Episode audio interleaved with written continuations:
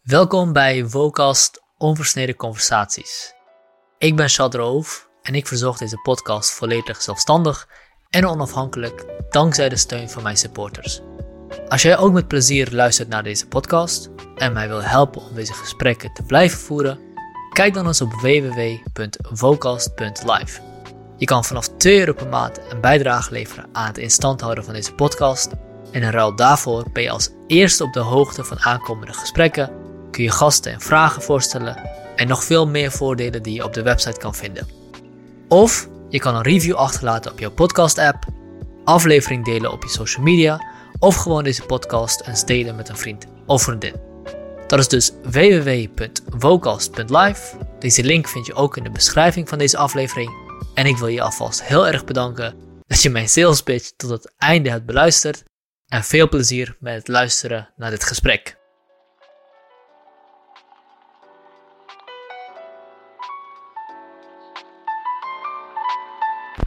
Welkom Heino bij Focast. Hallo. Fijn dat je tijd wilde maken om dit te doen. Um, jij bent natuurlijk uh, een heel druk persoon op dit moment uh, met je onderzoek en uh, al het andere wat je doet. Um, de reden dat ik jou vandaag uitgenodigd heb is omdat ik eigenlijk in 2019 dus kwam jullie onderzoek uit met zwarte gaten, de foto van een zwart gat.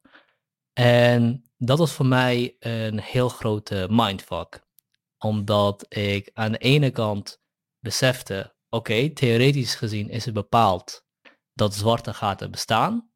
En niet alleen dat, de beeldmateriaal ervan laat ook zien dat de theorie ook gelijk had over hoe het eruit zou zien. Dus ik dacht, hier is iets heel, heel vreemds aan de hand, want de natuurkunde kan het blijkbaar, met wiskunde kan het blijkbaar. En ik weet hier heel weinig vanaf, dus ik moet hier meer over gaan leren en ik moet gaan begrijpen waarom dit, waarom dit kan en hoe dit werkt. Dus ik ben het een en ander gaan, uh, gaan uh, opzoeken en uh, proberen te leren over het standaardmodel of Einstein of hoe natuurkunde werkt. En natuurlijk kom je altijd dan bij vragen uit waarvan je denkt, hmm, misschien moet ik toch naar de bron gaan, want ik kom hier gewoon niet uit. en ik hoop dat we vandaag daar het een en ander over kunnen, kunnen vertellen en kunnen leren van jou over zwarte gaten, over natuurkunde, over uh, wat zwarte gaten zeggen over onze wereld, ons universum. En uh, ik bedenk me nu opeens, uh, God speelt voor jou daar ook een rol in. misschien kunnen we daar zelfs ook op nog komen. Maar we gaan zien, Als je wil. we gaan zien hoe ver we komen. Want maar inmiddels weet je zoveel meer dan ik waarschijnlijk, dat je die vragen al zelf kan beantwoorden. ik zou niet durven dat, dat, de, de, zulke vragen te beantwoorden zonder ik jarenlang onderzoek naar gedaan heb. Want het is, het is moeilijk materiaal. Um, maar goed, laten we beginnen met jou. Jij hebt het team geleid dat in 2019 een foto heeft gemaakt van een zwart gat. Uh, of een beeldmateriaal heeft kunnen maken van een zwart gat.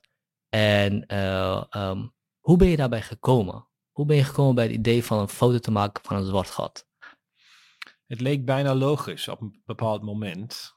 Ik wilde altijd iets doen met de zwaartekracht, omdat dit eigenlijk zoiets het laatste niet begrepen kracht was in ons wereldbeeld van de natuurkunde. Dat uh, was als, altijd zo'n buitenbeentje, die, die, die, die zwaartekracht. Hè. Je hebt het standaardmodel van de elementaire deeltjes. En dan heb je verschillende krachten, die kan je dan samenvatten in één groot model. Maar de zwaartekracht was altijd iets anders. Dus ik wilde iets doen met zwaartegaten. Uh, want dat is de, het object waar de zwaartekracht het meest extreems is, was. En waar ook waar het leek alsof daar ook de, de grote theorieën van de wereld met elkaar botsen. De kwantumfysica die het kleinste beschrijft en de, uh, de theorie van de zwaartekracht die die grote object als heel heelal beschrijft eigenlijk. Het hele heelal wordt beschreven door de, uh, door de zwaartekracht, de theorie van Einstein eigenlijk. Uh, dus ja, ik wil daar iets doen. En op een bepaald moment hoor je iets over zwaartegaten, maar die zijn te klein, die kan je niet zien, het, was, het is alleen maar fantasie. En dan, nou, ja, en dan deed ik mijn studie uh, over zwarte gaten. Niet hopend dat die ooit zou kunnen zien. Maar ja, verschillende dingen kwamen plots, plotseling samen. Dat was het centrum van de melkweg. Uh, dat was het zwarte gat in het centrum van onze melkweg. had ik al gehoord dat misschien zou daar een, ook een zwart gat in onze omgeving kunnen zijn. Um, en plotseling waren de eerste metingen. Met mensen die radiotelescopen gebruikten om, om daar heel dichtbij te komen. Uh, Reinhard Gensel, die later Nobelprijs kreeg twee jaar geleden, uh, die ontdekte dat er sterren waren in die omgeving, rechtstreeks bij die object. Het was nog niet duidelijk dat het een zwart gat was, maar misschien een kandidaat van een zwart gat. Uh, die, dus later kon hij heel goed de, het gewicht, de massa bepalen van, van die object. En ik, ik, ik probeerde theorie te doen van die object. En op een bepaald moment besefte ik, ja, daar, daar komt licht rechtstreeks uit de omgeving van het zwart gat.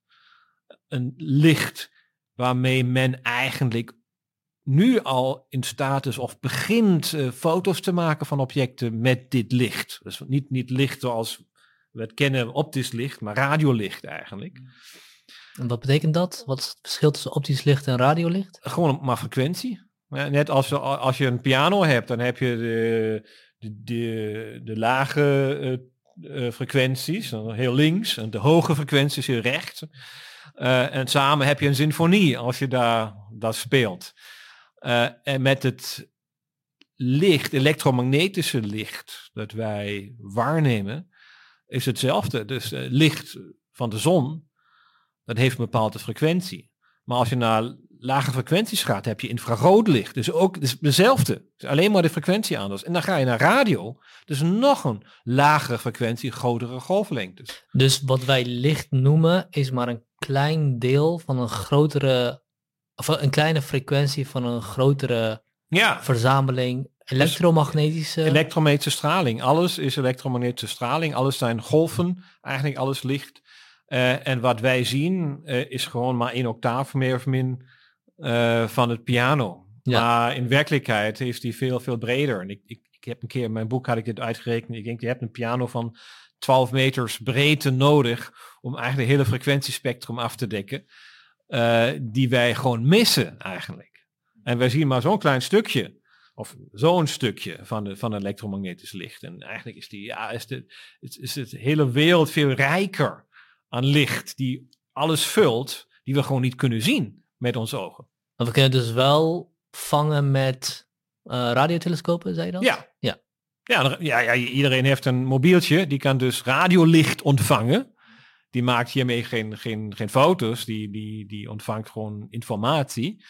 Uh, maar je, je zou radioantennes kunnen gebruiken om gewoon een, een foto te maken. Ja, je, je kan, uh, dat doen we soms ook. Je hebt je een groot radioschotel. Soms zijn die heel erg groot. En dan kan je een soort radiocamera inzetten met verschillende pixels. Dan kan je met rechtstreeks een, een opname maken. Net als je met een digitale camera um, een opname maakt. En is de output dan ook beeldmateriaal of van, van zo'n radiotelescoop? Of is het, of... Je, je, ja, ja. Nou, je hebt altijd een detector nodig die het licht omzet naar een, een, een, een foto. Hè? Jouw oog, hoe werkt een oog? Het verzamelt licht, dus je hebt een lens daarin. En dan heb je, daarachter heb je jouw netvlies. Dat zijn gewoon pixels. Hè? Die, en dan heb je, ik ben geen, geen bioloog, dus ik, ik vermoed dat je elektrische signalen krijgt. En die ja. gaan naar je hersen. En jouw hersen ontstaat eigenlijk dan uiteindelijk het, het foto. Ja. Hè? Dat is een heel ingewikkeld proces. Je denkt je ziet iets, maar dat is een heel ingewikkeld natuurkundig proces. En jouw camera in jouw mobieltje doet hetzelfde. Er is een lens in, er is een chip die, die het licht om, omzet naar elektrische signalen. Dan gaat hij naar het hersen, de, de CPU, mm. CPU mm-hmm. die, die, die, die, die, die, uh, um, die, die, ja, die chip die dan weer de berekeningen doet. Ja. Um, en uiteindelijk krijg je dan een, een foto. Een radiotelescoop doet hetzelfde. Die, die ontvangt de radiosignalen, worden omgezet weer naar elektrische signalen.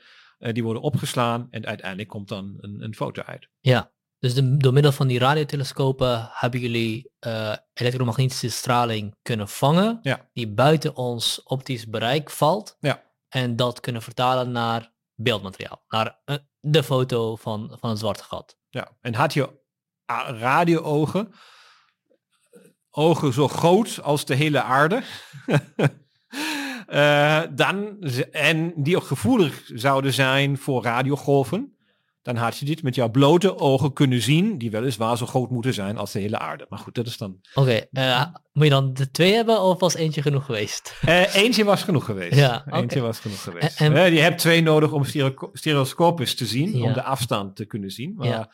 op dit moment zien we alleen maar één, eendimensionaal. Die, Ja, ja, ja. Interessant. Ehm, voordat we... tweedimensionaal eigenlijk. Hè? Dus je ziet de lengte en de, Breedte, de ja. hoogte, de breedte. Ja. Ja, ja. Maar niet de diepte. Maar niet de diepte, inderdaad. Ehm, voordat we op, eh, verder gaan over eh, waarom zwaartekracht nou zo'n probleem is. Eh, dus, want het is, het is dus een probleem voor de theorie die we hebben, geloof ik, toch? Zoals je het... be- Ja, het waarom... Laat, nee, laten we er vooral gelijk op ingaan. Waarom is zwaartekracht zo'n probleem? Nou ja, ehm, we begrijpen ze niet helemaal. Ehm, zwaartekracht heeft maar één richting. Ja, als je kijkt naar magnetische krachten, heb je Noordpool en Zuidpool, eh, aantrekkende en afstotende kracht. Of elektrische lading, elektrische kracht. Dan heb je ook weer een aantrekkende en afstotende kracht. Ehm, en als je een atoom hebt bijvoorbeeld, hè, dan heb je dan positief geladen atoomkern en negatief geladen eh, elektron. Die, die draaien rond elkaar. Maar in totaal is die, die atoom neutraal. Heeft geen grote elektrische aantrekking. Een beetje wel. Door, eh, maar in, het algemeen is die, is die helemaal neutraal. Dus hij heeft geen, eh, hij heeft geen lading. Nou, er is wel een lading, maar die schermen zich af. Positief en negatief Ja, schermen zich af, neutraliseren zich eigenlijk. oké. Ja, ehm, en eigenlijk is die, die, die elektromagnetische kracht, de ladingskracht, veel, veel groter dan de zwaartekracht. Vele orders van grootte, veel sterker. Was de hele aarde alleen maar positief geladen en jij was negatief geladen, werd je zo samengeperst en samengetrokken, eh, je kon niet staan. De, kracht was zo sterk geweest. Dus Ja. veel, veel, veel groter dan je kan voorstellen. Ehm, de zwaartekracht is veel, veel zwakker. Vele malen zwakker dan alle andere krachten. Maar eh, er is geen negatieve eh, zwaartekracht. Zwaartekracht gaat, gaat alleen maar één kant op. Eh, en daardoor kan op een groot schaal de zwaartekracht overwinnen.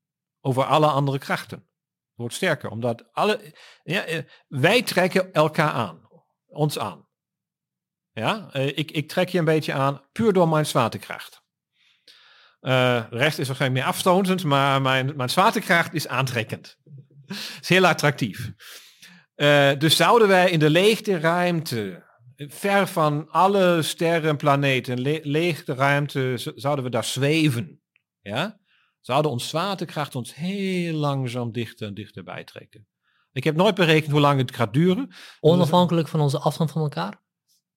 Inderdaad, zelfs onafhankelijk van de afstand van elkaar, want zelfs in het oneindige zouden we nog ons aantrekkingskracht voelen. Maar dan zou die bijna oneindig klein zijn. Hè? Ja, en het zou Maar- misschien maar- oneindig duren voordat we bij elkaar zijn. maar het zou wel en, zijn. en, en zelfs een klein beetje snelheid die ik zou hebben, ja, zou ertoe leiden dat wij sterker eh, verwijderen. Dat, dat ik dan sneller uit elkaar ga, dat wij sneller uit elkaar gaan dan de aantrekkingskracht ons werk kan samenbrengen. Ja.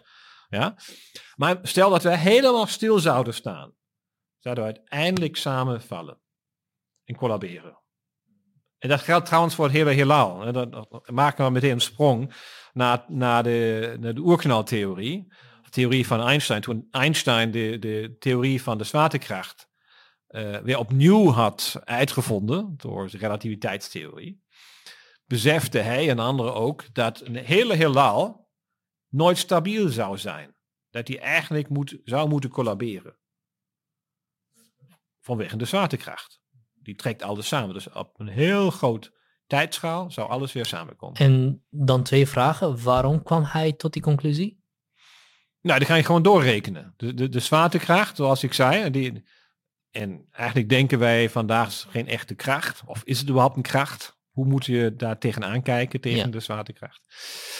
Ehm, en eh, ja, je berekent zo'n een, een heelal eh, met heel veel massaverdeling. En dan, als je geen, geen tegenwerkende kracht is, zou zo'n massaverdeling weer collaberen. Die kan niet stabiel zijn.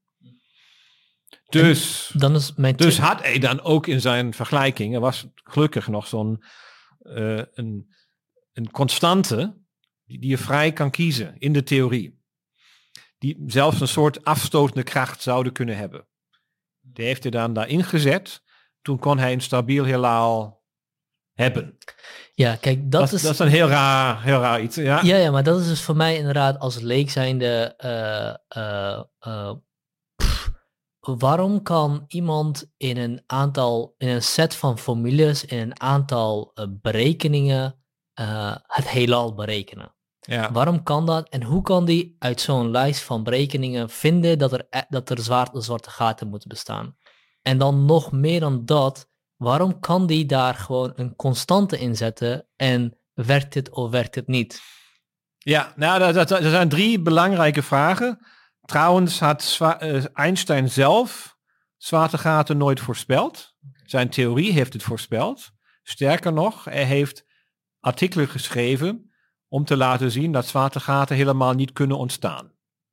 Dus hij was helemaal niet van overtuigd dat die überhaupt bestaan. Maar ze waren wel mogelijk binnen zijn eigen theorie. Binnen de wiskunde van zijn theorie. En eh, iemand anders ehm, heeft dan laten zien, ja, ze kunnen wel ontstaan. Puur door de wiskunde dan toe te passen en door te rekenen en, en bepaalde principes te eh, hanteren. Ehm, dus hij Maar heeft zich eigenlijk verzet tegen de idee van zwaarte. Ja, hij heeft zich verzet tegen een idee wat, wat in zijn eigen theorie zat. Precies, omdat hij niet kon geloven dat zoiets raars als zwaartegaten überhaupt bestaan. En, eh, en is... En eh, dan zie je hoe die de sterkte van de emotie ook in, in zo'n wetenschapper. Uiteraard, ja. Ja, ja, de- ja. Ook het vooroordeel dat er is. Vooroordeel tegen, tegenover jouw eigen theorieën Hm, hm. die je daar hebt. Dus eh, uiteindelijk blijven we toch menselijk, ook al hebben we al die... Het is helemaal menselijk. Ja, ja. Eh, mijn vraag is dan, en misschien, misschien kan dat niet hoor, misschien kun je dit niet uitleggen eh, buiten de wiskundige berekeningen. Misschien moet je gewoon de wiskunde snappen om dit te kunnen uitleggen. Maar waarom, wat zit er in die berekeningen dat eh, de mogelijkheid van een zwart gat bestaat? Je zegt, iemand anders had dat wel ontdekt en die had daar, omdat hij bepaalde principes toegepast heeft. Maar, eh, en dat, dan is dus mijn vraag nu, zijn die principes die die persoon uitlegt, die eh theoretische natuurkundigen en eh, astrofysicus zelf, die wiskunde die, jullie, die, die gebruikt wordt, die berekeningen die gebruikt worden, zijn die uit te leggen in kant-en-klare taal? Of moet je echt de wiskunde induiken? En dan bedoel ik niet met een metafoor, want natuurlijk kun je een metafoor gebruiken om het uit te leggen. Maar zou je mij kunnen uitleggen wat daar gebeurt, of moet ik eerst vier jaar natuurkunde studeren? Eh, waarschijnlijk moet je het deels wel doen. Dus eh, eh, het heel, alles heel makkelijk te doen is, ja, is, vaak niet mogelijk.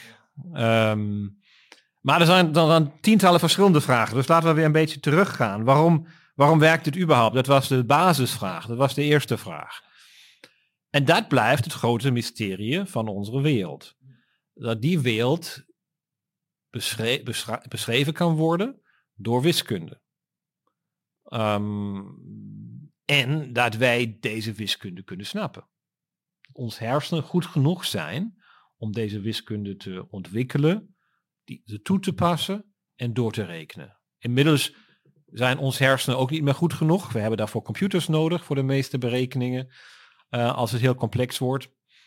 Eh, maar toch lijkt de wereld, het basisprincipe van de wereld, redelijk, redelijk te zijn, rationeel. rationeel wat, wat betekent rationeel? is ook zo'n raar woord. Mhm, mhm. Ja? Eh, tenminste, tenminste begrijpbaar te zijn, beschrijfbaar te zijn.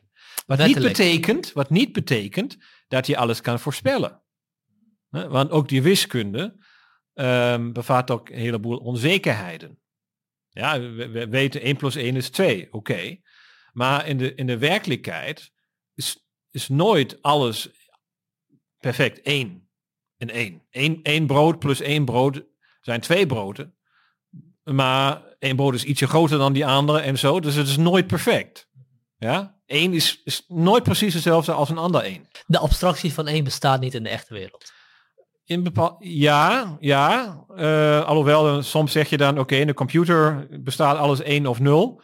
Maar soms heb je ook fouten in zitten. Een Ja. bit, bitflips of zo. En Gemiddeld is één ook niet altijd één daar.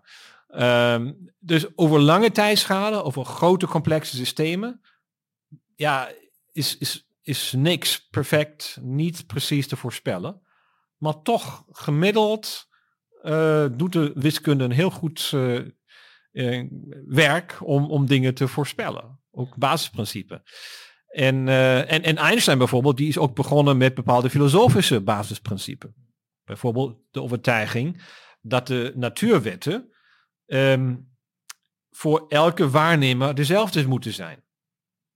Dat de fundamentele wetten niet zouden veranderen of ik hier zit, of in de ruimte ben, of mij beweeg met een bepaalde snelheid, of, of versnel, of zoiets. Dus de, natuurwetten moeten eigenlijk hetzelfde zijn.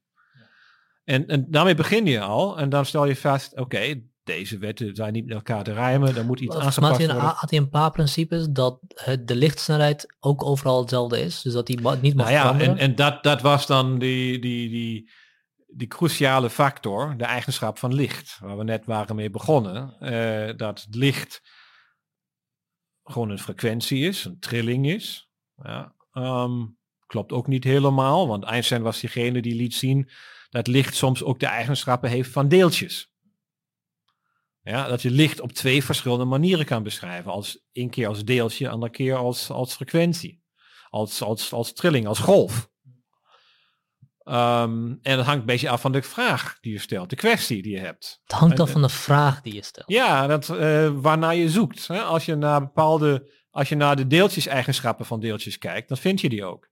Kijk je naar de, frequentie of de golfeigenschappen van licht, dan vind je die. Vind je die.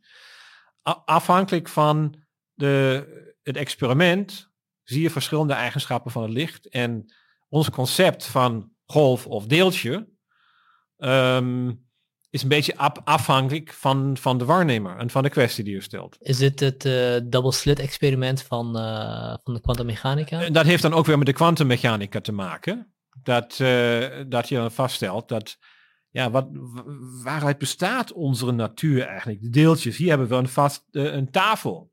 Ja, die is vast. En dan heb je licht, dat zijn golfjes. Of je hebt trillingen in, in, in, in, in de lucht. Ja, dat zijn heel verschillende dingen. Maar op een basis, of een fundamenteel niveau, z- kan je zelf materie eigenlijk vertalen naar een, een golfeigenschap. En, en, en de tafel die is precies hier. Maar een klein kwantumdeeltje, die is nooit precies hier. Die is, die is hier maar met een, bepaalde, met een bepaalde waarschijnlijkheid ook een beetje daarnaast. Of met een heel klein waarschijnlijkheid ook daar. Dus ook, ook ik heb een bepaalde waarschijnlijkheid om, om daar te zijn. Maar die is zo klein eh, dat het nooit zou waarnemen. Dus dat zijn, dat, zodra je dan dieper en dieper daarin dijkt, wordt de wereld nog steeds beschrijfbaar door wiskunde, maar voor ons verstand gewoon gek, zou je kunnen Gekker en zeggen. gekker. Gekker. Ehm, ja, dat is natuurlijk iets wat, eh, eh, ehm, wat we ons moeten afvragen is hoe, hoe veranderen wetenschappelijke ontdekkingen, of die nou theoretisch zijn of experimenteel, onze intuïties van de wereld. Want we hebben een bepaalde intuïtie van de wereld, dat namelijk ruimte en tijd vaststaan. En dat heeft Einstein dus laten zien en experimenten bewezen dat die niet vaststaan. Ruimte en tijd kunnen Nou, is onze intuïtie dat tijd vaststaat? Ik, ik maak altijd het grapje ehm, dat ehm, tijd voor iedereen relatief is. Zit je in een, in een tentamen of zo, of eh, bij de tandarts, dan Ja. lijkt de tijd heel, heel lang te gaan. Want het helemaal gelijk. heb je een feestje of eh, Ja. met jouw geliefde, sta je ergens, dan gaat het veel te snel. Maar dan hebben we het over onze, onze ervaring van tijd ten opzichte van eh, los daarvan. En dan is de vraag die je natuurlijk wederom kunt stellen. Is, ja, maar je moet je tijd moet- je- los van onze Nou, ervaring? wij zijn zo gewend dat je tijd kan meten, maar hoe lang is het dat we tijd kunnen meten? Eh, dat is een heel langdurig proces geweest. En, en, en voor, stel je was een, eh, een Neandertaler of zo, ja, een, eh 10, 20.000 jaar geleden of 40.000 jaar geleden.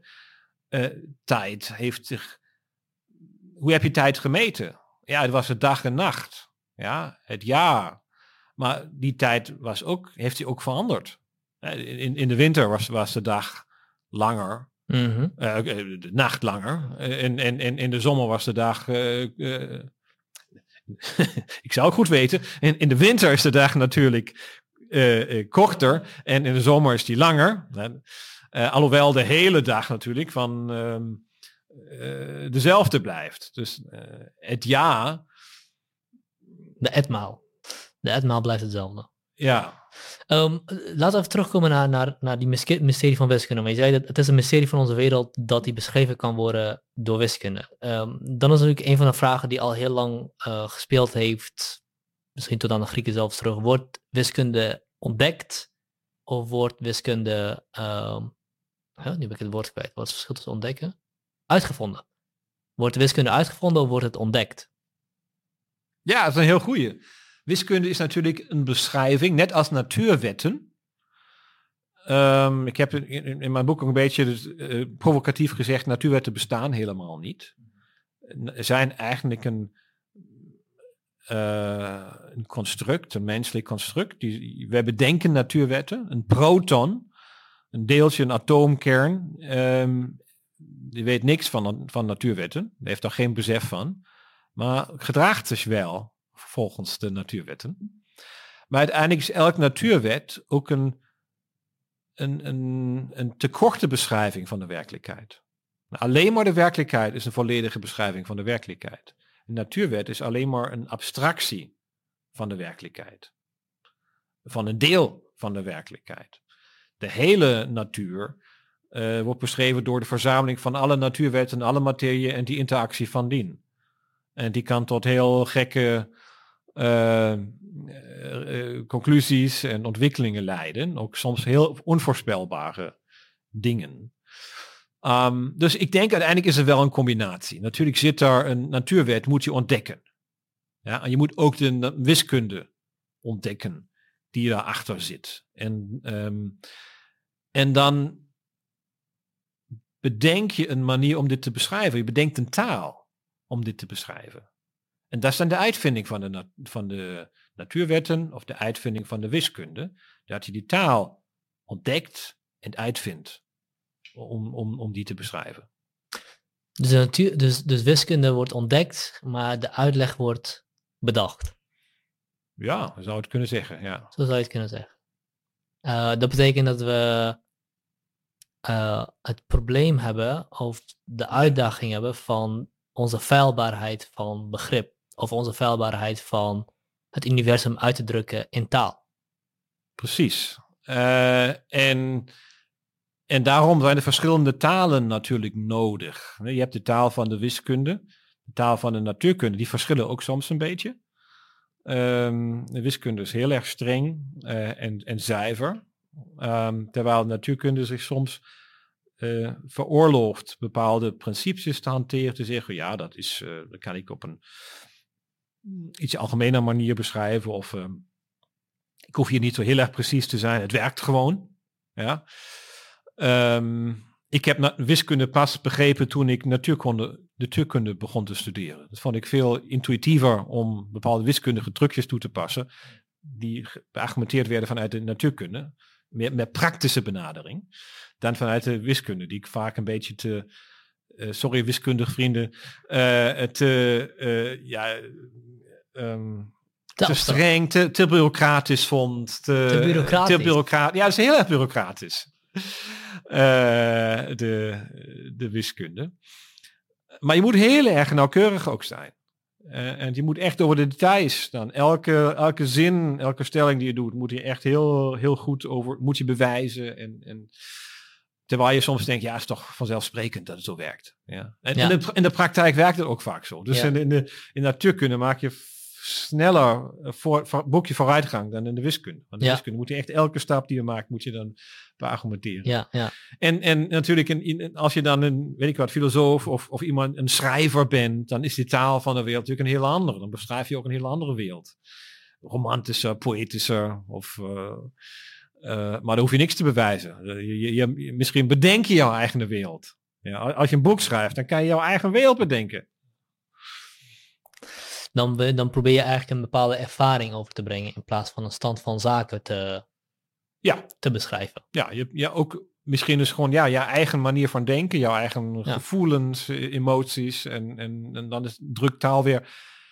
Uiteindelijk drukt die taal ook weer een, een, een toestand van een kwantumsysteem uit, namelijk jouw hersen. Ja. Ja, eh, maar er stond dan een heel abstracte manier van beschrijving van het kwantumsysteem van een hersen. Ja, daar Ja, zou een natuurkundige niks mee kunnen doen. Maar ben ik wel benieuwd, wat betekent dat dat je hersenen in een kwantumsysteem kwantumsysteem zijn?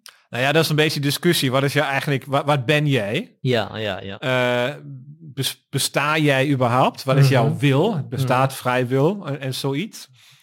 Eh, en natuurlijk is jouw hersenen een verzameling van deeltjes. Met elektrische signalen. En uiteindelijk is het een heel complex kwantumsysteem. Die daar is.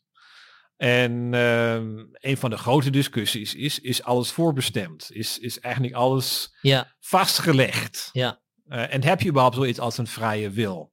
Ja, zoals ik het begrijp is dat de natuurkunde daar weinig, of dat de standaardmodel daar weinig ruimte voor laat. En dat de kwa- kwantummechanica dat weer wel mogelijk maakt. Omdat in de kwantummechanica we dingen hebben zoals eh, eh, ehm, waarschijnlijkheid, zoals, zoals je zei. Dat, dat deeltjes ergens waarschijnlijk Precies. zijn. Ja, je hebt ja, 150 jaar geleden of zo, of zelfs nog 100 jaar geleden, hadden wij een heel deterministisch wereldbeeld. Ja, als ik hier een kogel in de hand zou hebben, laat die vallen, dan valt die naar beneden. Je kan precies berekenen hoe die valt. Alles is, is duidelijk vastgelegd. En net als een, een, een stoommachine ja, eh, die, die, die langs gaat, je weet precies wat er gebeurt. Ehm, eh, dus alles staat vast. Eh, en ook jouw toekomst staat vast. En Ja. als ik één keer de, de hele toestand van het heelal in een computer zou stoppen, kan ik precies vooruit berekenen wat in de toekomst gaat gebeuren. Ja. Nou, we weten dat dit nu vol, volstrekt onzin is. We kunnen nog niet eens het weer berekenen over lange tijdschalen. Eh, We stoppen alle informatie in, een, in ons computer. Ja. En we kunnen weliswaar eh, het weer redelijk goed voorspellen voor een week of twee. Toch werd je soms nat, want dan is toch een regenbooi bij die daar... Maar, maar dan hebben we het dan, langskomt. dan we het verschil tussen praktisch niet kunnen berekenen en principieel niet kunnen berekenen. Nou ja, op een bepaald moment raken die twee elkaar. Want om alles ehm, in de werkelijkheid precies te voorspellen, zou je alles met zonder fout kunnen weten. Moet je alles oneindig nauwkeurig kunnen meten. Ja, en wat, wat ik kan laten zien, dat zelfs de kleinste fout die je nu maakt, eh, op lange tijdschalen, eh, een heel ander resultaat oplevert, dan eh, had je die fout niet. Ja, dus je moet het hele universum Je moet- volledig kunnen berekenen. Het kan geen model zijn. Eh, ja, model, en je sorry. moet van elk, elk systeem, van elk kwantumdeeltje, moet je precies weten waar die is, wat die eigenschappen zijn en eh, hoe die zich dan in de toekomst zou gedragen. En de kwantumfysica zelf vertelt je, dat kan niet. Ja, je, je, je kan niet voorspellen wat, hoe zich een kwantumdeeltje eh, gedraagt over... ehm, alleen maar statistisch kan je voorspellen. Ja, Ja, je, je- kan voorspellen dat jij gemiddeld zou, ja, wij zullen misschien gemiddeld 90 jaar oud worden. Ik weet het niet. Ja, maar eh, ik ga nu de deur uit, er komt een, een vrachtwagen langs, ik ben dood. Ja, statistisch, gemiddeld eh, had ik 90 jaar moeten worden, maar ik, ik ben morgen dood. En zo gaat het met elk kwantumdeeltje. dus, en, en dat maakt wel een behoorlijk verschil. ja. Dus, Ja. dus de simulatietheorie van het universum acht je niet geloofwaardig. Ja, dat is volstrekt onzin. Sorry. en waarom? Nee, die, die, sim- sorry. Die simulatietheorie van, van het he- universum zegt dat wij niet een echte universum zijn, dat wij gewoon een simulatie zijn. Ja. Ja? Ja. Eh, dat eh, zegt niet dat alles voorspelbaar is. Ja. Dus, eh, wij zien zelf dat in ons eigen computersystemen we vaak niet kunnen voorspellen wat het resultaat is. Ja. Ja? Dus ehm, daarom doe je de berekeningen ook, omdat de wereld te complex is. Maar eh, dat wordt dan weer een theologische kwestie. Maar de simulatietheorie zegt, ja, wij, zit, we zijn eigenlijk deel van een grote computersimulatie. Eh, we bestaan niet echt. Ehm, en ehm, ja, dat lijkt me een beetje ehm, eigenlijk als een. Ik vergelijk dit vaak met een zeven dagen creationisme. Ja, eh, van fundamentalistische christen die zeggen, ja, de wereld die, die, die lijkt zo als, als ze nu is, die lijkt heel oud te zijn. maar die is door God in zeven, dagen in elkaar gezet en lijkt dan oud en draait nu op een, ja, eh, die is maar 6000 jaar oud, maar eh, lijkt 14 miljard jaar oud te zijn. Ja. maar dat is gewoon echt een, ehm, er, gewoon, je zou kunnen zeggen bijna een simulatie. En dat Ja. is net hetzelfde als iemand zegt, oké, we zitten in een wereld die lijkt heel oud te zijn, maar in werkelijkheid zitten we in een simulatie die in elkaar is gezet door een grote programmeur. Ja, dus Ja. Het, eh, de- Ja. eigenlijk zie ik daar helemaal geen verschil tussen een, een heel eh, creationistisch wereldbeeld en, een, en de simulatietheorie. Dat is bijna hetzelfde, want, want wie, wie is God? Is dan de programmeur. Ja, Ja, in, in dit. Het is, het is structureel hetzelfde argument. is structureel de precies hetzelfde. is wel anders, maar eh, structureel is het hetzelfde argument inderdaad. En waarom is het dan dat, waarom laat de kwantummechanica zien dat de wereld niet, niet voorspelbaar is? De- Het universum niet voorspelbaar is. Ja, d- eh, zoals ik zei. ehm, het, heb Je het wel genoemd inderdaad, maar hebt Heisenberg ehm, onzekerheidsrelatie. Die zegt dat je de eigenschappen van een deeltje nooit precies kan bepalen. Je kan eh, bijvoorbeeld eh, die, die, die, die, die momentum, eh, eigenlijk de snelheid van een deeltje, kan je bepalen heel goed. Maar dan weet je niet precies waar die is. Of je, je, legt die precies, je, je legt precies vast waar die is, maar je kan niet bepalen hoe snel die nu beweegt. Bijvoorbeeld. Dus eh, je hebt beide eigenschappen nodig. en waarom, Oh. waarom kan dat niet? Waarom kun je het niet allebei? Nou, uiteindelijk heeft het te maken met eh, hoe lang je kan meten. Ehm, ja, dat, het wordt, nu wordt het een beetje ingewikkeld. Maar het heeft... Dat mag. eh, een- ja, de Fourier-transformatie. Daar, daar- is het makkelijkste om... Om- dus om- het, mag best wel een verhaal zijn waarbij mensen nog zelf moeten gaan zoeken Eh, wat je ja, precies ja, bedoelde. Ja, ja, kijk naar de eigenschappen van de Fourier-transformatie. Wat dat, doet ons, ons oor. Ja? Je hebt een golf. Eh, in Duits zeggen we kammertoon A.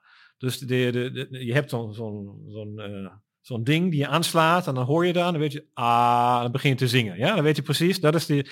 En, en wat, wat gebeurt er? Je slaat die aan en die begint te, tr- te trillen met een precieze frequentie. Ja? En dan heb je zo'n sinusfunctie. Ja? Ehm, en hoe goed kan je die frequentie meten? Hoe nauwkeurig meet je de- deze, deze toon, deze klank? Hoe, hoe nauwkeurig kan je die frequentie meten? Ja, je, je slaat die aan en dan maak je deze golven en, en je, je, je, je- luistert naar, naar de golven. Nou, die, die, die lucht begint te trillen. En dan, dan meet je deze sinusachtige, sinusachtige golf. Oké. Je kan hem wiskundig laten zien. En dan is het, zijn het 440, ik denk het zijn 440 hertz of zoiets. Ja? Maar is het 440, 440,0001 of 440,00000001 of hè? hoe lang moet ik meten om precies 440 hertz te kunnen meten van zo'n geluid, van zo'n zo'n toon. Je kan laten zien dat je als je zo'n sinusgolf hebt, dat je die oneindig lang moet meten. Anders krijg je altijd een fout in jouw frequentie. Ja, als ik die maar, als je heel kort, als je maar eenmaal één golf meet, ja, dan is die 440 plus min, weet ik wat, eh 100 hertz. Ja. Ja? En Als, als ik daar 10 eh, golven van meten, is 440,1 plus min 0,1. Ja. Als ik daar 100.000 golf, golven, golven, bergen en dalen meet, ja. dan is het 440,0000. Maar ik moet oneindig lang meten. Ja. Dus die precieze frequentie van die golf weet ik pas als ik oneindig lang meet. Ik, ik wilde vragen, waarom kun je niet gewoon meten totdat dat dingetje eh, stopt met, eh, met, eh, met trillen? Maar we hebben het natuurlijk over golven die in het universum zichzelf door Nou het ja, universum nou, als je zegt elk deeltje is, is een golf, ja, zou je elk deeltje oneindig lang moeten weten om alle Ah, ja. eigenschappen perfect te meten. Daar gaat het mee om. Ja, ja, ja, ja. Ja? Dus je kan ook niet voor, voor wel, een willekeurige frequentie die je hier maakt, die je zingt, die je, die je, hè, kan je, kan je nooit precies bepalen wat de frequentie is. Dus altijd, elke toon is altijd een klein beetje anders dan die andere. Elke toon die je, die, die je meet. Je, je- hebt een precies gecalibreerd, eh, weet ik wat, piano of, eh, of, of Ja. een, of een synthesizer of zoiets. Maar toch is er altijd een klein verschilletje daarin. En de reden is dat je niet oneindig lang kan meten. Ja. Dat, dat, dat ligt aan het hart, of eh, aan, aan het fundament van alle problemen die we hebben. Dat je, niet on, dat je niks oneindig lang kan meten. Uh, het fundament van alle problemen, maar dus ook de, uh, het fundament waarop we onze vrijheid terugkrijgen. Precies, ja, ja. Dus ja, daar komen we op terug. Laten we nog even zeggen. Het feit dat de wereld eindig is. Al, puur het feit eindig dat... of oneindig? Dus eindig. De, de wereld. De wereld, ja. Die is ontstaan op een bepaald moment. Wij bestaan niet oneindig lang. Betekent ook dat je niet überhaupt niks oneindig lang kan meten. Ja, je, het heelal is niet oud genoeg om alles oneindig lang te meten. Dus daarom heb je al overal, on, een, alles heeft een bepaalde onzekerheid, meteen. En dat geeft ons maar ook weer vrijheid. Ja. He, want daardoor is niks vast, uh, vastgezet. Uh, vastgezet. Alles heeft een bepaalde onzekerheid. Door veel, heel veel interacties kunnen zelfs de kleinste fouten uiteindelijk oplopen tot een heel groot verschil in de uitkomsten. Uh, tenminste, weet je niet of het we, ik weet niet of we kunnen zeggen dat we weten dat niet vastgezet is, maar we, we kunnen in ieder geval niet weten hoe het vastgezet is, ook al zou het vastgezet zijn. Nou ja, dan, dan is de vraag, is het vastgezet? Ja. ja als er geen... Want elke... Want meten klinkt zo af, afstandelijk. Um, uh, ja, afstandelijk. ja, ja, alsof het niks met ons te maken heeft. Ja. Maar elke interactie is een meting. Ja, als wij met elkaar praten, meten wij ook. Wij detecteren elkaars trillingen. Um, en en uh, ook de, de, wat in mijn hersen gebeurt. Uh, daar worden stromen en deeltjes, kwantumdeeltjes uitgewisseld eigenlijk. Dus ook detecties eigenlijk. Dus elke interactie is altijd ook een meting, is een, ja, is een meting. Dus, dus even, even terugkomen. Wat we hebben ontdekt dankzij de kwantummechanica is dat elk deeltje ook tegelijkertijd een golf is. Ja. Eh, of dat het fundamenteel een golf is, of afhankelijk van hoe we kijken is het een deeltje van een golf. En een golf kunnen we nooit perfect meten. Ja. Vanwege het feit dat we altijd een onzekerheid hebben. Dus we hebben het inductieprobleem. Uh, en uh, we kunnen niet oneindig lang meten. En Ja. zeker nog, het universum bestaat niet oneindig. Ja. Dus het is gewoon onmogelijk om alles volledig te meten. Ja. Ten- Tenzij je hebt een eindig oud heelal. Maar dan heb je ook weer het, eh, eh, het principe van de entropie. Mhm. Dat, eh, dat het chaos en de entropie het toeneemt. Ja. Dus als je een heelal zou hebben die wel oneindig lang is, heb je wel oneindig veel chaos. Ja. Ja. dan, dan besta jij niet meer. Ja. Eh, dan heb je geen, eh, dat is oneindig zij. Het heeft geen eigenschappen meer. Iets dat oneindig oud is, eh, zou ook geen eigenschappen meer hebben. Maar goed, Hmm. dat is dan weer een ander. Dus, eh, Misschien en- een dus- punt om straks op te pakken, maar, maar we, moeten nog, we moeten nog wel één ding weten, denk ik. En dat is namelijk dan, dan waarom, hoe heeft de kwantummechanica kunnen laten zien dat deeltjes ook golven zijn? Nou, ehm, door juist, eh, je beschrijft het wiskundig als eh, met de golftheorieën. Ehm, en je kan inderdaad laten zien dat er een soort interferentieachtige patronen ontstaan. Is het, het beroemde double slit ehm, experiment waar je zegt, hè, als, ik, als ik meet waar een deeltje is, dan gaat hij of door een link, je hebt- twee deuren, dus Ja. een deeltje gaat of links door de deur of rechts door de deur. Maar alleen als ik een meting doe op die punt. Als ik geen meting doe, als ik geen interactie heb, dan kan een deeltje links of rechts door de deur gaan.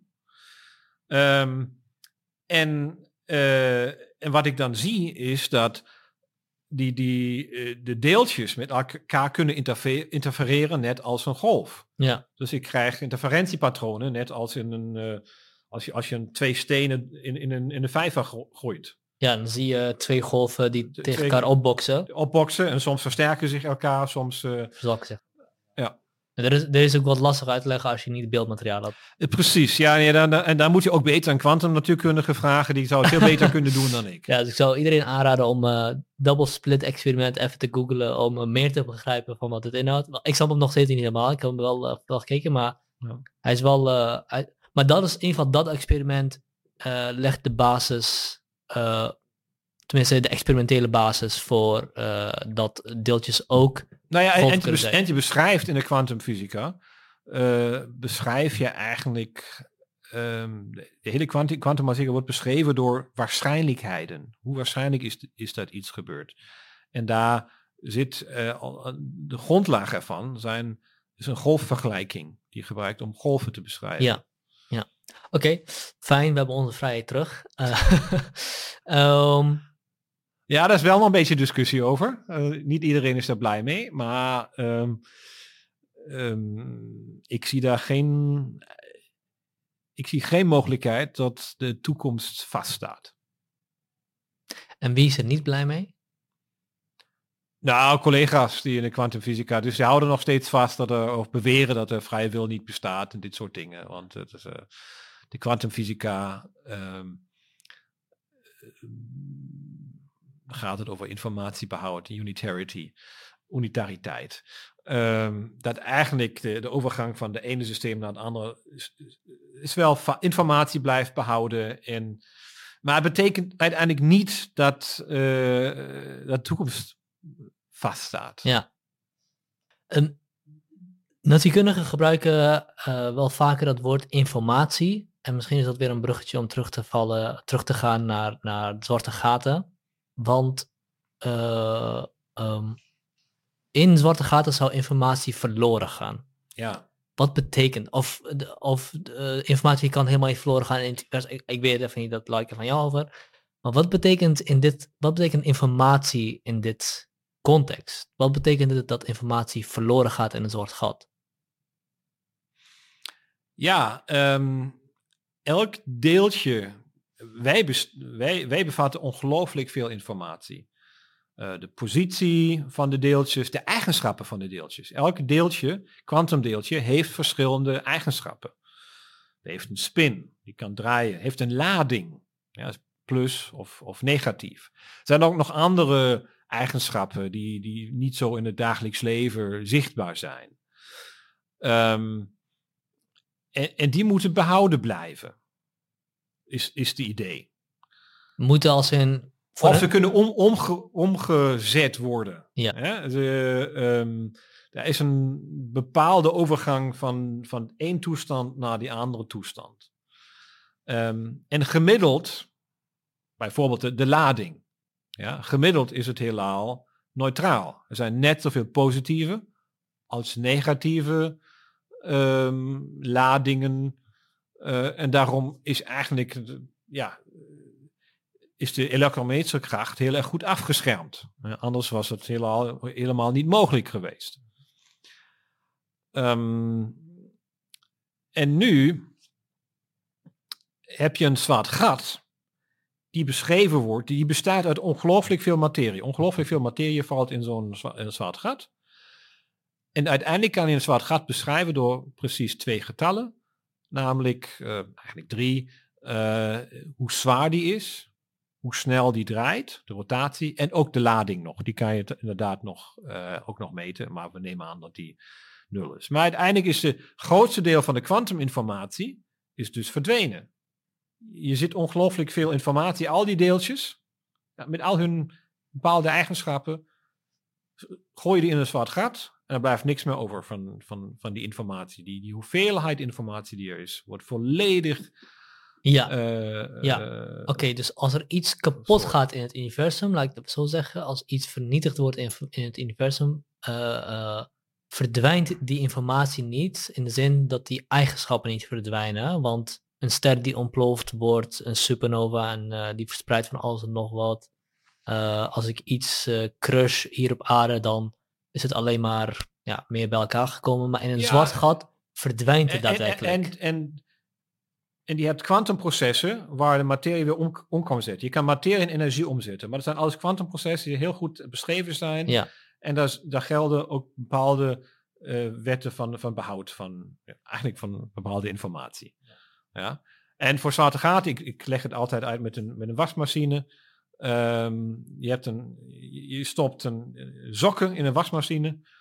Uh, zeg je wasmachine? Ja, je zegt wel Ja, ja. dus eh, eh, je hebt je linker en rechter sokken, die stop je daarin. Ik moest even zoeken, zoeken naar sokken, maar, want het is sokken. Maar dat maakt niet vooruit. Oké, ja, ja, nee, mijn, mijn Nederlands is soms niet zo perfect. Eh, je stopt die daarin, je, dus je hebt er tien sokken, paar sokken, eh, linker, rechter, die stop je daarin. Ehm, en dan verdwijnen die daar in, in, in die wasmachine. Oké, goed. Nou, in een zwart gat, in principe komt niks meer eruit. Ja, Dus maar in de wasmachine komt er soms ook maar één sok uit. Ja, ja dat, dat, is het, dat is precies wat er gebeurt. Eh, volgens de kwantumtheorie eh, van Hawking en anderen eh, zou je ook een zwart gat wasmachine weer open kunnen maken en alles weer eruit kunnen halen. Ja? En volgens de kwantumtheorie zou dan precies dezelfde hoeveelheid linker en rechter sokken eruit moeten komen. Nou, iedereen weet, in de praktijk is dat niet zo. Soms komt er een linker sok, je weet niet waar de rechter is. Dus die is ergens verdwenen. Of je krijgt twee linkersokken af. twee linker of weet ik wat. Dus ja, op een of andere manier gebeurt daar iets. En, en, en volgens de, de zwaartekrachttheorie ehm, zou daar geen informatie over blijven of de, de sok een linker of een rechter sokken was. Ja. Eh, en als, dan weer naar, als je dan weer verdampt zo'n zwart gaat, ja, dan komen misschien meer linker dan rechter zakken eruit. Het heeft niks te maken met wat je daarin had, had gestopt. Eh, Een zwart gat kan verdampen. Nou ja, dat is de theorie van de kwant, dat is de theorie van Hawking. Ja. Een zwart gat zou kunnen verdampen. Eh, ik heb het idee dat, je daar niet, dat jij, jij het niet, er niet mee eens bent. Nou, ik, ik, nee, maar ik, ik, ik heb daar geen moeite mee. Eh, de enige vraag is, blijft informatie behouden? En de, en de kwantumtheoreten zeggen, ja zeker is, blijft de informatie behouden. Maar weten alleen niet waar en, en hoe. Want als informatie behouden zou moeten worden, moet die opgeslaan worden ergens. En als iets een zwart gat ingaat, dan wordt die alles ingezogen, wordt eigenlijk gecomprimeerd tot een punt, wordt eigenlijk de hele materie wordt omgezet naar pure ruimtetijdkromming. Bestaat geen materie meer uiteindelijk. Eh, is, is, is een vorm van, van energie die wij niet kennen, een vorm van, van ruimtetijdkromming, dat is, maar is geen echte materie meer in zo'n zwart gat. En wat bedoel je met ruimte-tijd-kromming? Nou ja, goed, het idee van, van de relativiteitstheorie is dat, dat materie ruimte kromt. Ja, ja, ja, Ja, precies. En, ja. en, en, en, en, en, en, en zo'n zwart gat is eigenlijk on, een heel diepe trechter in de ruimtetijd. En hoe, hoe meer materie erin stopt, hoe langer wordt die trechter, hoe dieper wordt die Ja. trechter, hoe groter wordt die trechter. Eh, maar er zit geen materie meer in. Het is eigenlijk alleen nog maar ruimtetijdkromming, zou je kunnen zeggen. Ja. Geen vorm van materie die wij kennen. Ja. Eh, en stel dat die dan weer verdampt, eh dan staat weer nieuwe materie. Ehm, en heeft hij dan nog dezelfde informatie als diegene die je daarin hebt gestopt? Hmm. Weet hij nog uiteindelijk eh, daar eh, een even aantal eh, linker sokken en, en rechter sokken in waren? Ja. Wel of niet? Dus als we even misschien... Nee, dus s- stel voor je, je hebt daar die sokken hè, en dan, dan, dan trek je die uit elkaar. Ja, die- die- er worden kleine stukjes over. Ja. En dan komt iemand anders die krijgt dit hier. Hè, heb je dit? Zet die maar samen. Dan maak maar even sokken hiervan. Begint hij weer, ja, dan, eh, De, de in elkaar te zetten. ja, alles in elkaar te zetten en samen te, te knutselen en zo. Ja, maar weet hij nog hoeveel linker en rechter sokken er waren? Nee, weet hij niet. Ja, Ja? En, en, en in de relativiteitstheorie van, van Einstein is dit een zwart gat. Die weet het niet. En voor de kwantumtheoreten is het heel belangrijk dat die informatie, hoeveel linker en rechter sokken er waren, wel behouden blijft. ja. Oké. Dus... ehm, ehm, hoe lang heb je eigenlijk nog? We hebben nog vijf minuten. We hebben nog vijf minuten, oké. Ehm, zullen we afsluiten dan? Ja. Eh, want eh, we, komen, we eindigen met een vraagstuk, namelijk eh, zwarte gaten kunnen waarschijnlijk verdampen. Ehm, hoe ze ontstaan, dat is denk ik wel algemene kennis. Tenminste, je kan dat makkelijk opzoeken. Maar de vraag is, informatie die in een zwart gat gaat, wat gebeurt daarmee? We hebben geen Ja. idee. Precies. En ja, dat blijft een van de grootste raadsels. En hoe kan, je, hoe kan je daar informatie opstaan? Of misschien, ik zeg soms een beetje heretisch, ehm, eh, misschien ja, gaat die informatie gewoon verloren. Ja, Ja, voor kwant- kwantumtheoreten is dit een groot drama. waarom is dat zo'n groot drama? Nou ja, om, omdat dan die, die overgang van de ene systeem naar die andere, daar zit opeens een willekeurige stap in. Mhm. En ehm, daar houden we niet zo van. Ja, daar houden we niet zo van. Ja. daar komt het eigenlijk op neer. Ehm, wat is het uh, volgende grote ontdekking uh, waar we, wat we kunnen verwachten? Nou ja, we moeten zwaartegaten nog beter gaan begrijpen, natuurlijk. We hebben maar in de eerste meting hebben we maar één zwaartegat gezien. We willen meer zwaartegaten zien. We kijken nog naar het centrum van ons eigen melkweg. Hoe zou het zwaartegat daar eruit zien? Is het hetzelfde? Klopt het überhaupt wat we hadden ontdekt? Hè? Uh, je moet altijd dingen bevestigen. Uh, dat is een van de grote vragen. En uiteindelijk die, deze informatiekwestie. Um, hoe hangen kwantumtheorie en relativiteitstheorie samen? Want dat is natuurlijk ook de grootste uitdaging die we op dit moment hebben. Het standaardmodel van Einstein vereenzelvigen met de kwantummechanica. Precies, ja. Uh, en, en, wat, wat is zwaartekracht überhaupt? Uh, wat is ruimtetijtkromming? Is dat een goede beschrijving? Ja. Uh, is dat een goede beschrijving op een fundamenteel niveau waar je naar de allerkleinste kijkt? Waar, waar, je alleen nog maar deeltjes hebt? Dus dat uh, vraagstuk waar ik mee zit, dat ik maar niet begrijp waarom massa ruimtetijd kromt en dat dat zwaartekracht vormt, dat is niet alleen mijn onbegrip, maar dat weten we gewoon nog niet. Nou ja, het is een goede beschrijving. Dat lijkt de het is beste goed genoeg. Het is een goede beschrijving, de beste beschrijving die we nu hebben om ruimte en tijd te beschrijven. Ja. Maar het is niet te vereenzelvigen met de kwantummechanica. Het is nog niet helemaal te, ja, precies, nog niet helemaal te ruimen met de kwantummechanica. Maar daar zijn dan ook ehm, honderden, duizenden van de slimste mensen mee bezig om dit op te lossen, het raadsel. Het probleem is, het is moeilijk. En dat, om nog even af te sluiten, ehm, moet je wiskunde ontdekken of uh, uitvinden. uitvinden. Er wordt heel veel wiskunde ook uitgevonden. Je moet dan ontdekken welke van de wiskunde kan je toepassen op de werkelijkheid. Welke van de wiskunde beschrijft de werkelijkheid? Welk onderdeel van de wiskunde bestaat echt? En dat is de opdracht voor de natuurkundige. En zonder experiment is het heel moeilijk. Dus je moet altijd de, de natuur vragen. Um, ja. Interessant. Dankjewel, dat is een heel mooi gesprek. En uh, we zijn hopelijk. Uh, ik uh, wacht met smart op de volgende ontdekkingen. Tot we eindelijk weten wat er met zwaarte, met informatie gebeurt als het in een zwart, zwart gat valt. Ja, daar werken we ook nog aan. Dan gaan we, gaan we ook nog. Later kunnen we daar ook nog een keer over praten. Ja, top. Dankjewel. Fijne dag.